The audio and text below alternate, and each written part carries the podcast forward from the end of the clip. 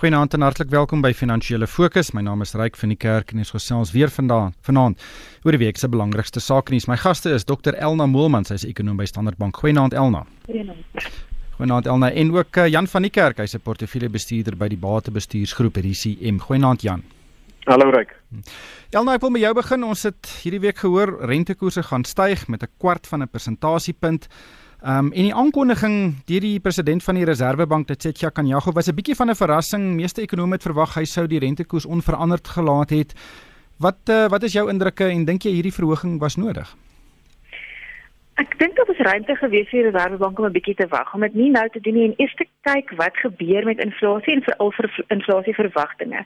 Ek dink die Reservebank se groot uitgangspunt is eintlik maar net hulle bly bekommerd oor inflasie en dat inflasie hoër kan wees as hulle verwag het, deels omdat die rand dan nou swakker is as wat dit byvoorbeeld aan die begin van die jaar was. So hulle groot kommer is as hulle niks doen nie, dat hulle geloofwaardigheid gaan begin verloor en dat dat die mark weer gaan begin dink hulle wil eintlik net net inflasie onder 6 hou en ek dink dit was dan nou maar die groot rede waarom hulle dit um, dan nou opgesit het. O, ek sou gedink het hulle kon dalk 'n bietjie gewag het. Ek sou byvoorbeeld gewag het vir die volgende opname van inflasieverwagtinge in Januarie om eers te sien of daar enige reaksie is want alhoewel die rand nou swakker is as aan die begin van die jaar is daar baie ander faktore wat daartoe kan lei dat inflasieverwagtinge eintlik baie laag bly byvoorbeeld voedselinflasie wat geweldig laag is en ons het dan natuurlik oor die laaste klompie um, weke gesien dat oliepryse baie gedaal het so ek dink hulle sou kon gewag het hulle argument was maar net dit was 'n baie moeilike besluit en hulle gaan nou eerder vroeër as later optree Jan Ja, nou as dit die waarheid is dat die rentekoerse verhoog is net om vir mense te wys hulle doen iets, is seker nie die beste moontlike strategie om te volg nie, want daar's eintlik twee denkskole van rent, van uh, rentekoerse. Die eerste een is dit is die enigste manier om inflasie in toom te hou en rentekoerse in Suid-Afrika is baie laag. Uh, dit moet styg want rente van die inflasiekoers uh, is naby 6% wat, wat natuurlik die boonste kerf is. Of die tweede ene is ehm um, rentekoerse moet so laag wees as moontlik want dit stimuleer ekonomiese groei en ons het geen groei op die oomblik in Suid-Afrika nie. En uh dat en ek is natuurlik in, in daai denkskool ek dink rentekoerse moet so laag wees as moontlik omdat ons ekonomie moet groei. Hoe hoe, hoe sien jy dit? Ja, ek uh, ek geneig om dit anders aan te sê, maar ek ek dink die die beweging was 'n geloofwaardigheids uh rentekoersverhoging en dit was hoofsaaklik maar om 'n teken te gee vir internasionale markte. Ek dink die ander ding wat ons in, in gedagte moet hou as die rentekoerse in die res van die wêreld is besig om te styg. Die Amerikaanse ja, deposito koerse het sal met meer as 1% op in hierdie jaar in Suid-Afrika nog niks verander nie. So, ja, ongelukkig is vind ons onsself in 'n wêreld waar rentekoerse hoër eerder as laer gaan internasionaal en ons moet dan maar daarvolgens aanpas.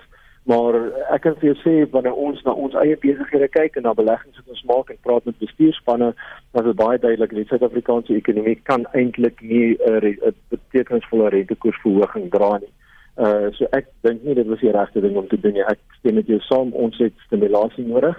Die bronne van inflasie in die Suid-Afrikaanse ekonomie is uit en uit koste druk. Dit beteken dat dit niks uit te waai uh met die stimulasie kant of met die die verbruikskant van die ekonomie. Ek is nie seker dat hoë rentekoerse gaan help om inflasie onder bedrang te hou nie. Ja, ek moet met jou 100% saamstem. Maar Elna, die uh Letitia kan ja goed gesê daar kan nog verhogings in die siklus wees uh, nog 'n hele paar voor 2020 dink jy dit gaan materialiseer? Ek dink nie so nie. Ons het nog nooit regtig saamgestem met die vooruitskattinge van hulle model nie. Mense moet onthou dit is nou maar net 'n model gedrewe vooruitskatting waarna hy verwys en dit is baie afhanklik van baie spesifieke aannames wat hulle daar invoer Ehm um, so ons dink wel mettertyd kan daar dalk nog 'n verdere verhoging wees, maar ons dink hoogstens in die totale siklus van hier af nog 'n kwart persent en waarskynlik nie eers in 2019 nie, so waarskynlik eers in 2020. Ons nou reeds vir die inflasie deel van die storie ehm um, redelik gepraat, daar is regtig net nie inflasie druk nie, selfs inflasie verwagtinge is eintlik baie goed onder beheer en dan natuurlik is die ander kant waarna hulle so vlugtig verwys het, die groei deel van die storie met groei geweldig onder sit en ek is baie bekommerd oor die die risiko dat groei baie laer kan wees as wat ons almal verwag oor die volgende sien maar 6 tot 12 maande. So dit sou dan nou ook die siening ondersteun dat hulle regtig nie baie vinnig weer rentekoerse gaan verhoog nie en definitief nie ook nie so baie as wat hulle model dalk op hierdie stadium verwag nie. Hmm. Maar Elna, as ons ook nou kyk wat Standard & Poor's gesê het toe hulle nou ons uh, kredietgradering onveranderd gelaat het uh Vrydag uh maar maar basies dieselfde tema deurgekom. Ons gaan begin herstel indien die ekonomie begin groei. En alles draai rondom dit die staat se inkomste draai daarom uh en en en die hele wet vermindering van ongelykheid en, en as ons ekonomie begin groei gaan baie van die ander probleme wat ons het uh, in 'n groot mate hulle self begin oplos definitief. So ek dink van 'n fiskale perspektief is dit amper dis een van die baie min maniere wat ons op 'n positiewe manier uit hierdie groot dilemma uit kan kom wat ons op hierdie stadium is, is as ons beter groei kan hê. Ek dink my kommer op hierdie stadium is daar's 'n redelike verwagting dat die landbousektor 'n bietjie beter kan doen en dit sal groei ondersteun in die volgende sien maar 6 na 12 maande toe. En dan hang dit tot maar tot 'n groot mate af eens enerzijds van kommoditeitspryse soos oliepryse baie laag bly soos wat hulle tans is en ons uitvoerpryse daal nie ook nie dan help dit ons ekonomie 'n bietjie.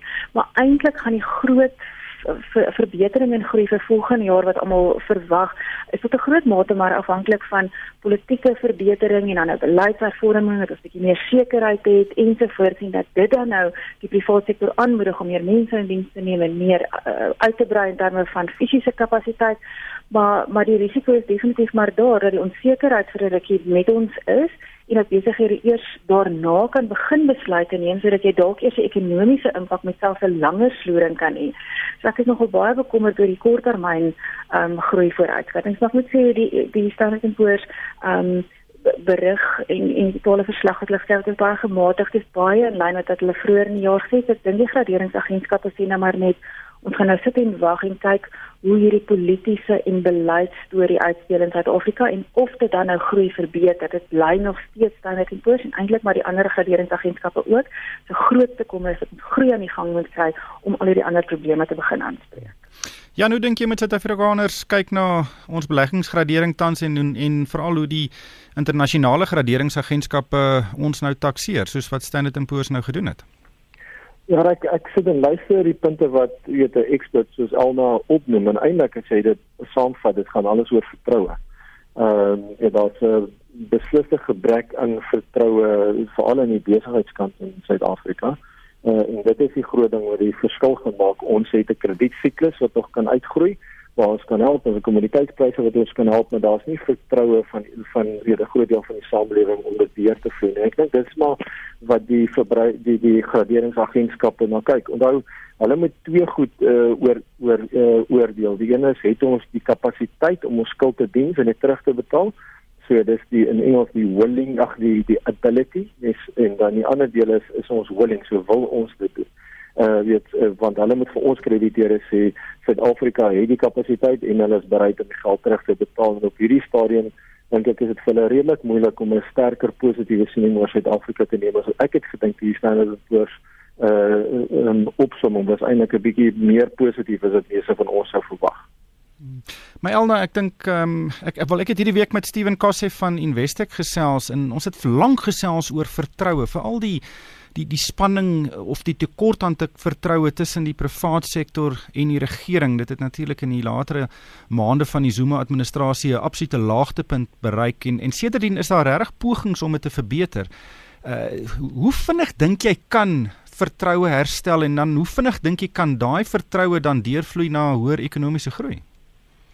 Weet jy, ons het nou nogal gaan kyk die die ekonomiese navorsing het 'n het 'n indeks wat hulle saamstel wat hulle vir maatskappye vra. Hoe beperkend ervaar hulle die politieke klimaat op enige gegee oomblik? En op hierdie stadium wys daardie indeks natuurlik nog vir ons is baie problematies dit is van al die faktore waarna hulle kyk die enkele grootste probleem in terme van uitbreidings Maar as ons nou statisties gaan kyk na die korrelasie tussen daardie indeks en ekonomiese groei, wys dit vir ons dat daar baie kortvloering is. So wanneer jy by die punt kom wat besighede weer meer vertroue in die ekonomiese vooruitsigte en die totale politieke klimaat het, dan kan jy 'n redelike vinnige reaksie sien. Ek dink die die kommer op hierdie stadium is net ons het definitief nog nie daardie punt bereik waar besighede gemaklik begin raak om te sê ons kan uitbrei en dit kom nou weer terug na my vroeëre punt toe. Ek is baie bekommerd dat dit dat dit dalk langer kan vat as wat ons almal op hierdie stadium verwag. Jan, dink jy dit dink jy mense is maar net 'n bietjie te optimisties as jy dink dit gaan vroeër eerder as later gebeur? Ja, ek dink nie so nie. Ek dink alhoewel vir die statistiek gegee dat weet wanneer sodra vertroue verander, is die terugvoer siklus baie vinnig en ek weet dis ons ervaring in besigheid ook. So ek dink jy moet onderskat hoe vinnig dinge kan verander. Die groot uh, ding wat moet verander is die vertroue. Uh en as mense wil probeer in die toekoms inkom, ek dink meeste mense sit en wag en hoop dat volgende jaar se verkiesing een of ander verandering gaan bring. My eie vermoede is dat jy, jy sal sien dat vertroue verbeter of nie, jy weet voor die verkiesing aantrent te maand of 6 weke voor die tyd behoort jy die die mark en die besigheidssektor hoort 'n idee te kry van waar dit goed gaan. En ek dink daar's groot verwagting of dit reg of verkeerd is, uh, weet ek kan nou jou opinie, maar ek dink baie mense sit en wag vir die verkiesing van volgende jaar om groot besluite te neem. So uh, weet dit gaan nou 'n baie groot invloed hê op hoe dit verander. As iets daar in die regte rigting gebeur, dan sal jy verbaas wees hoe, hoe vinnig dinge beter kan raak. Ja, ek stem met jou 100% saam. Uh, maar dan Jan Dan Magila, hy's natuurlik die uitvoerende hoof van die Openbare Beleggingskorporasie ehm um, of in Engels die PIC, dis natuurlik die die een van die grootste uh, batebestuurders in die wêreld, uh, verseker in Afrika, dit uh, bestuur onder meer die die staatse pensioenfonds. Hy het nou bedank en dit volg nadat daar nou al vir 'n geruime tyd uh, aantuigings aantuigings is dat daar geld wanbestee is en dat daar swak beleggingsbesluite geneem is. Uh en uh, onder andere die beleggings waarna vinger gewys word is uh, beleggings in FBS Bank wat nou basies bankrot is en ook die Independent Media Groep. Uh, wat, wat is jou siening van Dan Magila en wat nou daar gebeur? Ek ek ken meneer Magila gehad nie persoonlik nie, ek het nog nooit met hom enige besigheid gedoen nie, maar weet wat mense kan sien uh, wat daar is vrae wat gevra moet word oor hoe staats uh, amptenare se belasting agter pensioengeld belê word. Uh, ek moet ook wys dat daar weet jy sou onthou Telkom het op 'n tyd uh hulle Vodacom aandele verkoop uh weet omdat hulle um, moes van hulle of die, die regering het van hulle Vodacom aandele verkoop wat hulle van Telkom gekry het. En ek het gedink dit was 'n slim uh, skuif om eerder aandele te koop as om staatseffekte uit te reik aan die staatspensioenfonds. So daar is voorbeelde waar ek dink die pensioenfonds die regte ding gedoen het, maar daar is 'n hele klomp transaksies waar daar baie vrae gevra word en uh ongelukkig nie met hierdie net so baie ander staatsamptenare weet beklei om nie afgedank te word nie. Uh en dan moet mense die vraag vra om te sê wat is dit wat die manne wegsteek daar. So ek dink dit is 'n goeie ding uh dat daar verandering kom. Uh weet ek het geen inligting oor sy eie doen en later nie, maar ek dink dit is 'n goeie ding dat daar verandering kom en dat uh weet mense wat dink ek 'n vraag kan vra want dit is 'n baie belangrike deel van die Suid-Afrikaanse ekonomie. Ja, weet en dit is uh die grootste pensioenfonds is die staatse pensioenfonds is triljoene rande wat daar beloop en is een van daai instellings Jan wat jy nie wil hê daar moet rook wees wat daar uittrek nie. Dit dit is soos die Reserwebank uh, of die Suid-Afrikaanse Inkomste Diens uh, in 'n ideale wêreld. Dit, dit is dit is mense se spaargeld daai. Dit is nie belastingbetalers geld nie en jy soek nie hierdie tipe van wolke nie. Nee, beslis nie en ek dink jy sal onthou, jy weet Mark Schuessler maak gewoonlik die punt, uh, jy weet omdat hy weet sy sy positiewe siening oor Suid-Afrika is gegrond daarop dat uh, weet ons het 'n baie goed befondste staatspensioenfonds en stelsel wat beteken daar's 'n groot pot van kapitaal wat aangewend kan word in die in reeds aangewend is in die Suid-Afrikaanse ekonomie. Uh en die probleem wat ons gaan kry is as daai kapitaal wanbelê word uh, buite die morele verpligting en verantwoordelikheid het wat jy het teenoor die pensionaarse wie se spaargeld dit is ook die morele verpligting en die kommersiële verpligting wat jy het in die res van die ekonomie. So ek sê met jou 100% saam. Uh net jy kan nie sê een instansie is meer belangrik as die ander in Suid-Afrika. Daar's 'n hele klomp wat baie belangrik is, maar ek sê met jou saam dat die die staatspensioenfonds is 'n baie baie belangrike deel daarvan. Ja. Elna, uh goeie nuus. Ehm um, Ek dink dit is Mike Schuessler wat ook gesê het nou dat ons oor hom gesels dat ons dalk in Desember die grootste brandstofprysverlaging ooit kan sien. Uh die die oliepryse soos jy ook vroeër gesê het het dramaties geval. Hy's omtrent nou 59 dollar 'n vatjie Brent olie en die die rand het ook verstewig na die rentekoers verhoging. En ons kyk hier na rondom uh R1.70 um wat petrolpryse kan val en dalk uh, omtrent so R1.15 vir 'n liter diesel. Uh dit is dis baie goeie nuus vir ons. Hoe hoe, hoe dink jy kan dit deurvloei na ons ekonomie toe? Ja nee, definitief. So min of meer elke 5 dollar vat wat oliepryse laer is, beteken dat inflasie so 0.15 van 'n persentasiepunt um, of nou nou ja, 0.1% um laer is. So so dit help definitief en dan is sommer direk 'n bietjie verligting vir die verbruiker. So dis baie goeie nuus. En ons dink dit kan ten minste in die kort termyn volgehou word, maar ek moet sê alhoewel ons nog so bietjie optimisties is oor die rand dat die rand sien nou oor die volgende 12 maande nog so bietjie kan verstewig, is ons nie doodseker dat oliepryse oor sien maar die volgende 12 na 18 maande toe op hierdie vlakke gaan bly nie. So daar kry ons nou 'n bietjie verligting en dit is nie heeltemal volhoubaar nie, maar dis definitief baie goeie nuus um, vir ons ekonomie op hierdie stadium. Ja. Jan dan swart Vrydag. Uh ek weet nie of jy ook gaan kamp het in jou gunsteling um winkelsentrum se parkeerarea nie om later met mense bietjie te stoei oor toiletpapier en tamatiesous nie. Uh maar dit uh, lyk regtig of dit hier posvat en mense bietjie uh kleinhandel koors kry uh hier so kort voor die Kerstyd. Dit wil so lyk. Uh, ek dink daar's 'n paar opmerkings. Uh, ek dink dis 'n Amerikaanse gebruik wat net soos van die ander maar oorspoel na die res van die wêreld. Uh my vriende in die kleinhandelswêreld se groot vrees is natuurlik dat jy jou Kersverkope maar net verloor na die swart Vrydag toe. So dis nie regtig 'n addisionele uh weer toename uh, weer tot hulle gewone verkoopsiklus nie. Jy skuif maar net wanneer mense die inkopies doen. Die tweede ding is dat swart Vrydag tot 'n groot mate is 'n aanlyn verskynsel en die aanlyn generasie is nogal redelik slim. So hulle gaan koop net goed wat hulle regtig 'n groot ge, uh, uh, uh, uh, kopie kan kry uh en uh, weet en dat hulle waar hulle reg baie geld gemaak word deur die kleinhandelaars. So ek is seker dat swart Vrydag 'n baie, baie goeie idee is vir kleinhandelaars of enige handelaar wat die voordele aanbied nie. Ehm um, maar daar is wel weer 'n gebruikers wat besig is om vinnig poste wat in Suid-Afrika gaan vestig. Uh, dit is baie seker. Hmm. Maar Elna, ek dink dis is nie net die spesiale aanbiedings nie. Ehm um, ek het nou 'n 'n 10-jarige dogtertjie en vir haar is hierdie swart Vrydag eintlik die grootste dag van die jaar gewees want alles is goedkoper. Uh dink jy dit daar is 'n sielkundige impak wat groter is as wat dit moet wees?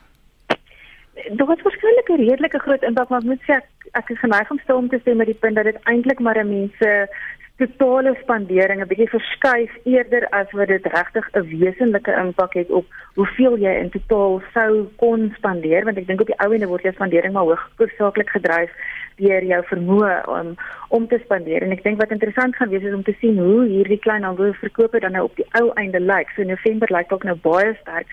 Ons het vreeslike wisselvallige data gehad in terme van kleinhandelverkope hierdie jaar deels beïnvloed deur die wisselvalligheid in die oliepryse en die laat verhoging vir die totale openbare sektor. So ek dink dit is interessant is om te sien of of ons nou regtig in die vierde kwartaal heelwat sterker data sien en of dit eintlik maar net 'n bietjie groei steel amper by die volgende kwartaale wat wel is wat ons in die vorige jare gesien het. Ja, ek dink ons bly maar in 'n verbruikersera of 'n consumer omgewing soos die Engelsman sê. Net laastens Jan, die mark ons het vir die week die swakste uh week gehad in in in 'n hele paar uh maande. Wat het gebeur en is dit maar net 'n uh, voort, voortsetting van die wisselvalligheid wat ons die afgelope paar maande gesien het? Ja, ek dink dit is 'n uh, geval van dit. Een van die groot drywers is natuurlik dat weet laas jaar se gunstelinge wat maar hoofsaaklik die Chinese tegnologiemaatskappye was, is nog steeds onder geweldige druk op internasionale markte. Uh een van die groot uh praatpunte van hierdie tyd laas jaar was natuurlik Bitcoin en al die kripto geldeenhede. Niemand praat nou meer daaroor nie, maar meeste van hulle het omtrent 90% van hulle waarde verloor of hulle pryse het ten minste so ver gedaal. Uh weet so ek dink weet spekulatiewe bates se pryse oor die algemeen het onder druk gekom uh, in die laaste week en het maar oorgespoel in Suid-Afrika. Ons gaan daar moet haltroep. Baie baie dankie aan my gaste, Dr Elna Moelman. Sy is 'n ekonom by Standard Bank en Jan van die Kerk, hy's 'n portefeuljebestuurder by die Batebestuursgroep RCM. En van myself Ryk van die Kerk, dankie vir die saamluister en ek hoop almal het 'n winsgewende week.